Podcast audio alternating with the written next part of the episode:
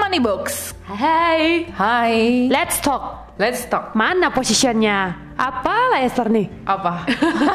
Aku lupa tiba-tiba. Let your money lives and grow. Yes. Iya. Oke. Oke, deh. jadi hari ini hari 1 Februari Tuh, ya. kita belum perkenalkan diri. Oh ya, oke baik guys. Maaf banget eh money maker ya saya YJ Saya Esther. dan welcome to Money Box.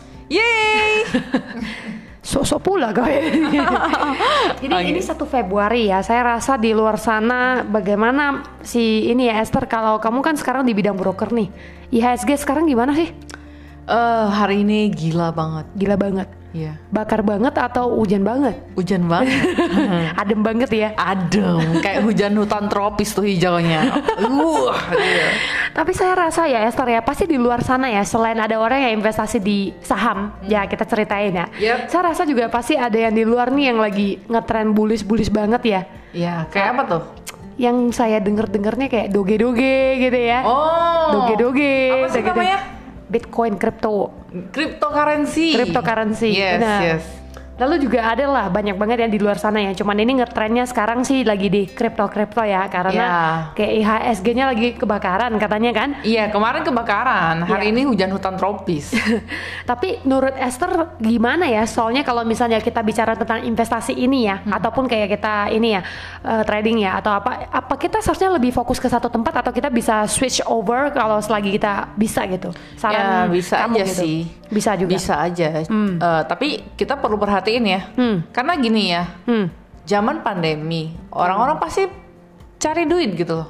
Iya nggak? Hmm, cari lobang ya, cari kesempatan sih. Cari kita bilang. kesempatan gitu. Hmm. Dimana bisa dapatin duit, ya dapatin penghasilan, pendapatan ya why not kan. Hmm, yes, iya sih. Tapi Hmm. ada tapinya nih. Tapinya, oke. Justru di keadaan seperti ini tuh banyak orang yang memanfaatkan keadaan gitu. Memanfaatkan keadaan sekarang pandemi gini.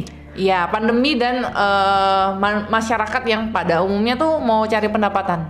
Jadi bisa bi- bilang kayak seperti yang investasi tipu-tipuan gitu. Yes, benar sekali. Oke, jadi- hari ini Kita bahkan kita bicara bahas tentang investasi ilegal. Oke, Oke. tentang investasi ilegal. Jadi biasa Yes. kan kita ceritakan tentang investasi apa aja gini-gini gitu, Ya, gitu ya. betul. Hari ini kita bakalan lebih gali lebih dalam tentang yang ilegal. Jadi biar teman-teman sadar tahu kalau misalnya ada di luar sana money maker jumpa ciri-ciri yang seperti ini, stop ya, Mhm. pikirkan Yes. dulu, cek dulu gitu ya, Ya. karena daripada nanti dibohong gitu ya. Iya betul ditipu-tipu. Nah kita di sini nggak hanya ini ya ngomongin soal investasi, investasi dan Hmm. investasi saja. Tapi bagaimana sih supaya kita tidak menemukan atau berjumpa atau terjebak dengan namanya investasi ilegal ya. Jadi kita lihat aja nih kasusnya aja ya dari tahun 2009 sampai 2019 Oh, totalnya itu bisa 92 triliun. 92 triliun. Yes kerugiannya dari What? hasil dari tipu-tipu investasi ilegal ini gitu. Selama 10 tahun itu Yes, itu. ada masyarakat total akumulasi ditipu sebanyak 92 triliun. Betul sekali. Ini datanya kita nggak data ece-ece ya. Kita dapat datanya tuh dari uh, OJK. OJK ya. Mm-hmm. Gila gila selama 10 tahun doang udah bisa berhasil menipu gitu ya aku Iya. bilang ya. Mm. Selam- sebanyak 92 Ya. triliun. Pemilu aja kita satu kali pemilu, pemilu pakai dana berapa? 3-4 T gitu. Ya, Hmm. ini Jadi ini bisa untuk 92 berapa pakai? triliun. Iya, bisa bangun jalan raya nih. Gila banget. Jalan raya Sumatera, lintas Jawa kayak gitu ya. Jadi moneymaker sana kita ber, eh, saya, eh, saya sama Esther di- juga di sini kayak bicarakan supaya kita jangan jadi kategori orang di dalam gitu ya. Iya, Berusaha jangan betul. jadi kategori orang yang ditipu Iya. gitu ya. Kita lihat di sini ada data ya. Hmm. Jadi data dari 2017 ya, Mhm. itu paling banyak itu di investasi uang. Investasi uang ya. Ya. Jadi kalau di 2018 trennya beda nih. Oh, udah beda langsung. Iya. Iya bener-bener ya. Dari datanya udah langsung kayak beda banget ya. Yang langsung. Ya, kalau di tahun 2017 itu kebanyakan adalah investasi keuangan yang dijadiin eh, apa ya namanya? kesempatan bagi para penipu untuk menipu masyarakat gitu. Hmm. Eh, di tahun 2018 itu itu kategorinya fintech P2P lending. Fintech P2P lending ya. Hmm. Jadi fintech itu maksudnya eh, financial technician. Eh, bener nggak sih? Financial technology. Financial technology ya, oke. Yap. Financial technology ya. Hmm. Jadi kayak tentang P2P itu seperti yang saya tahu kayak kita pinjam duit kasih orang gitu ya. Dan- Eh, iya, tapi Atau perusahaan Hmm. di sana gitu. juga ya perusahaannya dia terpampang jelas duitnya Nah. dipakai buat apa segala macam. Enggak semua P2P lending itu jelek ya, enggak Hmm. Iya. Hmm. ya. Tapi ya maksudnya di sini ada yang memanfaatkan keadaan seperti itu. Iya. Oke, kita lihat trennya lagi sampai akhirnya di tahun 2019 P2P lending itu sampai 1493 93 kasus ya. Lalu menurun di tahun 2020 sekitar 3 Juli. Itu menurun menjadi 694, masih didominasi oleh fintech P2P lending. masih number one ya kita Hmm. Yes. bicarakan ya Yes. kayak dari 2018 sampai 2020 dia Hmm. tetap di posisi yang pertama di posisi orang yang ditipu ilegalnya di P2P ya Ya.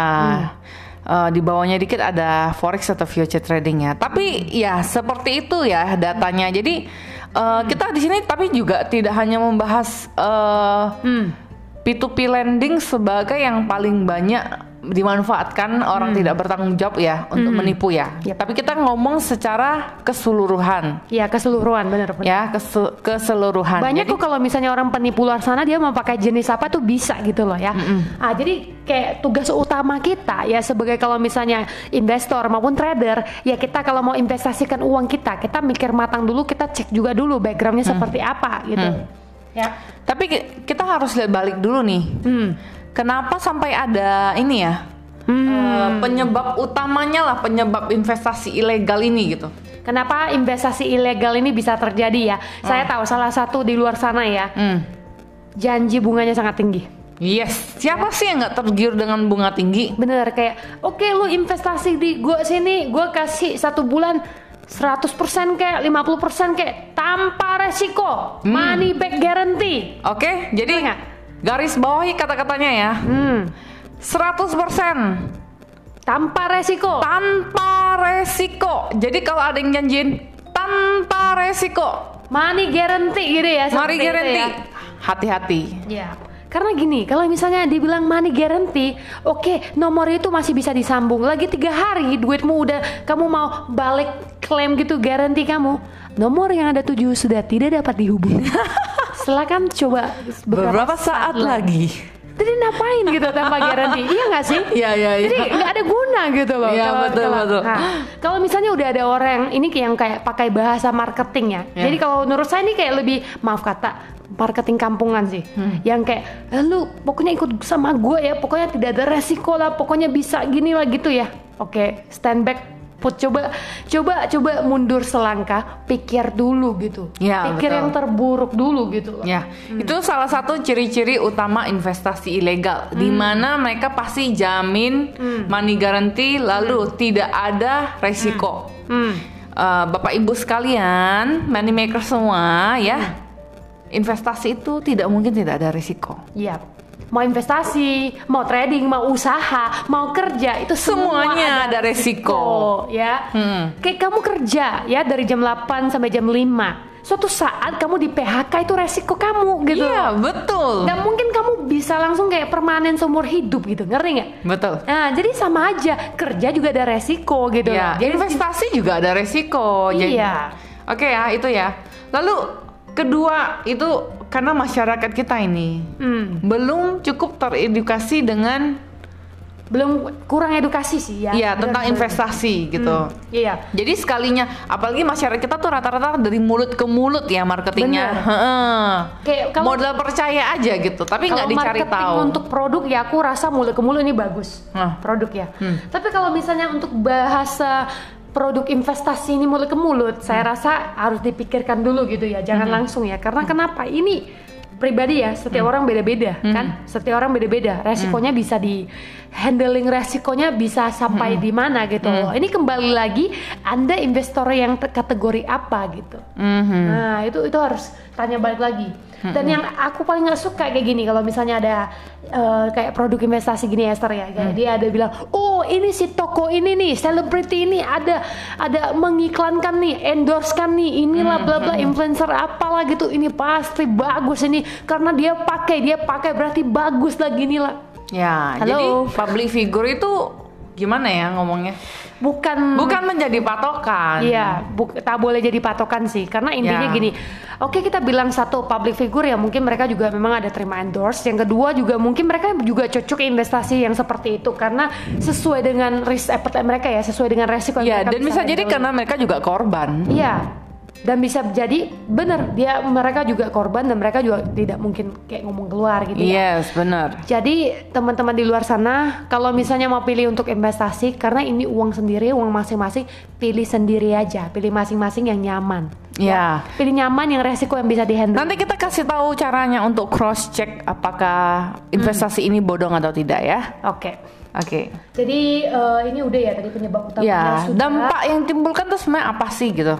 Oh inilah sekarang udah paling banyak jumpa salah satu ya kalau misalnya kayak ada kalau keluarga mereka yang orang tuanya agak sedikit skeptis ya atau Iya. agak eh janganlah itu di TV ya sering banget orang ditipu uangnya sampai dia harus jualan semua rumah furniture gitu ya Iya, betul. kadang drama itu ya membuat orang jadi ragu gitu loh. Jadi ragu untuk masuk ke investasi contohnya. Iya. Padahal bukan investasi itu yang jelek. hmm, Kitanya yang kurang banyak tahu. kita kurang gali gali lebih tahu lebih dalam Hmm. Iya, benar. Jadi kayak sekarang kayak orang ikutnya cuman ikut kayak peng- kayak pemahamannya cuman dari alur drama gitu. ya. Kayak ada kan Esther yang sekarang tuh yang yang drama yang sekarang yang ditayang tuh mamanya dia koma dan sekarang bangun karena TikTok gitu. Masuk akal nggak sih? Nggak masuk akal jadinya. Seperti itu. Jadi nanti kalau misalnya saya nggak tahu ya kalau masyarakat di luar sana ada yang keluarganya koma, eh aku lihat drama ini nih, dia narik TikTok sembuh coba lah aku coba gitu ya. Kita nggak tahu sih ya. Tapi kalau memang misalnya berhasil bagus, it's good for you, oke? It's good for you gitu ya. Nggak Mm-hmm. Yes. masalah. Oke. Oke. Hmm. Nah, kita kasih tahu nih ciri-ciri investasi ilegal. Tadi sebenarnya sudah Jelaskan dijelasin Hmm. ya. sama YJ ya, yaitu menjanjikan keuntungan tidak wajar Hmm. dalam waktu yang cepat. Iya, pokoknya satu minggu guarantee Kalau ada yang 100%. kalau ada yang kayak 100% lah 10 tahun. Hmm. Ah, itu masih mungkin boleh pikir-pikir masuk akal sih ya nggak sih? 100% 10 tahun ya. Hmm, satu tahun berarti kurang lebih 10 persen. Hmm. 10 masih bisa lah masuk obligasi apa gitu masih bisa dapat gitu. Hmm. Tapi kalau 100 dua minggu, satu bulan gimana gitu? Kalau memang hal- gini ya logika pikirnya itu gini.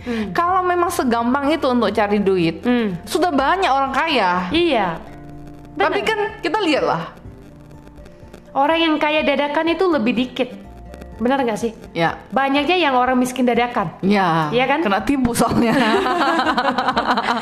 Serius. Jadi makanya janganlah kita jadi kategori seperti itu gitu. Mm-hmm. Iya kan? Ya. Ah, lalu ada lagi nih, ada yang kayak ya bener-bener kayak ada bonus kalau ada rekrut anggota baru kayak sejenis orang kayak bilang member ke member kayak kita Ya, tahu member get member lalu dapat bonus ya. Tapi tunggu dulu nih, nggak semua yang member kan- Ah. Hmm. Nggak semua get ya, nggak semua. Nggak semua member get member itu jelek bukan? jelek yang in ciri-ciri investasi ilegal. Iya. Hmm. Tapi aku kasih tahu nih ya. Ini bukan pengalaman saya sih, pengalaman tetangga. Yap, bagaimana? Jadi si tetangga ini bilang, ini Hmm. tuh bayangin ini pun terjadi di eh, Lingkungan sekitar perusahaan ini. yang perusahaan yang under OJK. Perusahaannya Andro JK, oke. Yes, coba. jadi walaupun walaupun ini misalnya perusahaannya perusahaan resmi ya. Yap. Kalau misalnya dapat member get member, kita tuh harus jeli loh. Hmm. Member get member misalnya. Hmm. Aku sudah jadi member, lalu aku bawa YJ. Kalau aku bawa satu orang, nanti aku dikasih 500 ribu contohnya kan. Nah, kalau perusahaannya memang eh, programnya resmi, Mhm. itu pasti perusahaan yang akan mentransferkan dananya ke Y- eh, ke ke Esther kan. Hmm, iya. Jadi Perusahaannya. Misalnya ini perusahaan A nih, rekrut si Esther. Esther ngerekrut si YJ. Hmm. Mm-hmm. Eh, jadi Esther dapat uang 500.000 ribu karena berhasil rekrut. Yap. Nah, uangnya itu pasti perusahaan yang transferkan ke Esther. Iya. Ya, Ya. di situ akan ada namanya, misalnya perusahaan Agung Abadi Pancasila Apapun Raja Wali gitu gitu, lah, ya. ya. Mentransferkan uang sekian untuk Esther atas nama perusahaan lah pokoknya. Iya. Tapi yang pernah kejadian adalah pakai setor tunai.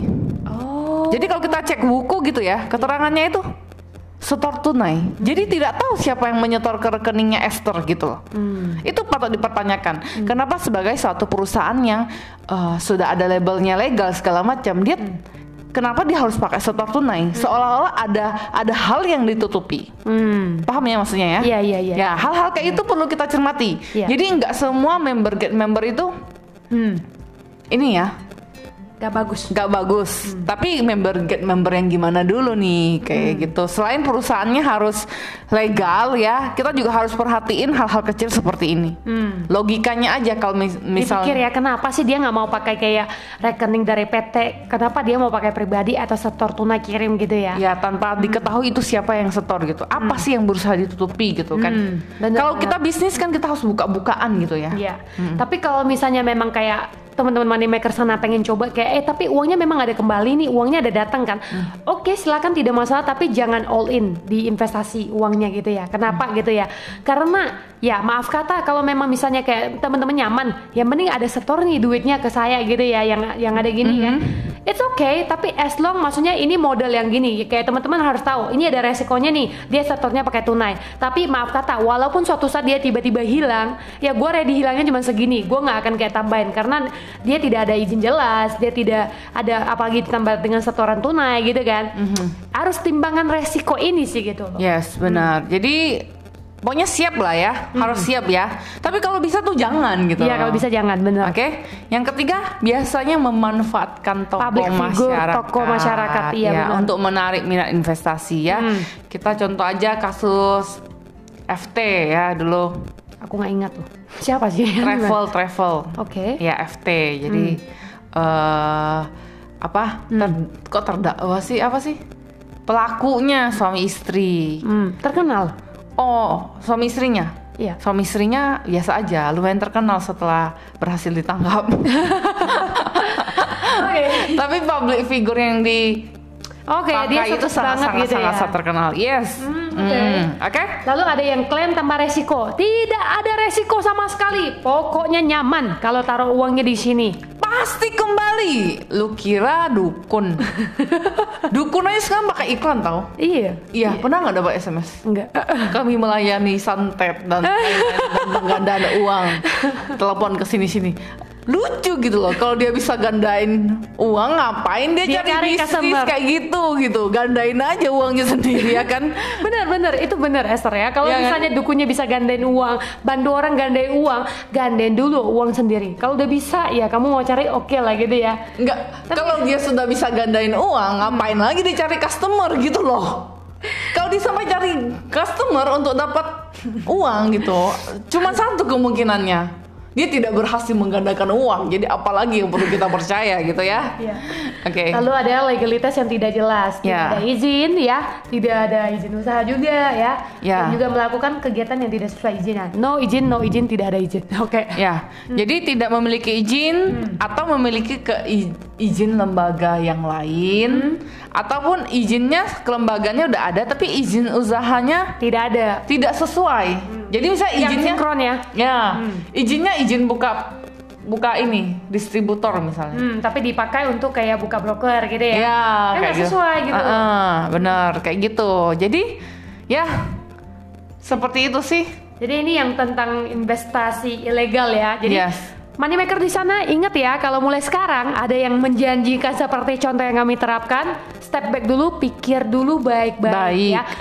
Karena ini uang money maker sendiri gitu ya. Ya. Mind your own money ya. Yes. Apakah resikonya ini bisa diambil dan jika ada yang terburuk terjadi apakah bisa dihadapin itu aja. Yes, benar Kalau bisa sekali. dihadapin dan pengen coba silakan, tidak Ya, masalah. Tapi resiko ditanggung sendiri ya. Resiko tanggung masing-masing Ya, ya. jangan nanti men- mencak-mencak ya. Ini tuh. Ya, jangan sampai ada satu kasus yang di 2020 saya ingat Ya. yang di luar negeri usia 20 tahun cowok ya 20 tahun masih muda banget ya. Aha. Investasi dan lihat bank account-nya minus 730 dolar eh 730 ribu dolar ya Lalu dia loncat ya? Loncat diri. Eh loncat inilah loncat gedung. After dia loncat ternyata naik kan up. I don't know but maksudku jangan ambil resiko yang tidak bisa handling gitu. Oke, I jangan sampai see. ambil resiko yang kalau misalnya teman-teman harus bayangkan sampai yang terburuk dan kalau yang terburuk ini bisa teman-teman handling silakan gitu. Ya, Benar nggak? namanya pengalaman gitu ya. Ya. Tapi kan udah banyak nih yang ngalamin pengalamannya. Ya jangan mau lewatin lubang yang sama. Hmm. Yes. Gitu. Kita bukan kita nih manusia ya, benar nggak? Mm, sharing ini namanya sharing. Oke, jadi mungkin sampai sini dulu ya Esther ya untuk kita Betul. punya topik hari ini. Dan untuk Rabu kita bakalan jelasin lagi untuk yang tentang fintech P2P lending yang ilegal. Ini Iya. tadi tentang investasi doang. Yes, bener. Oke, kita sampai jumpa lagi di hari Rabu saya YJ. Saya Esther. See you next time. Bye. Bye. Bye-bye.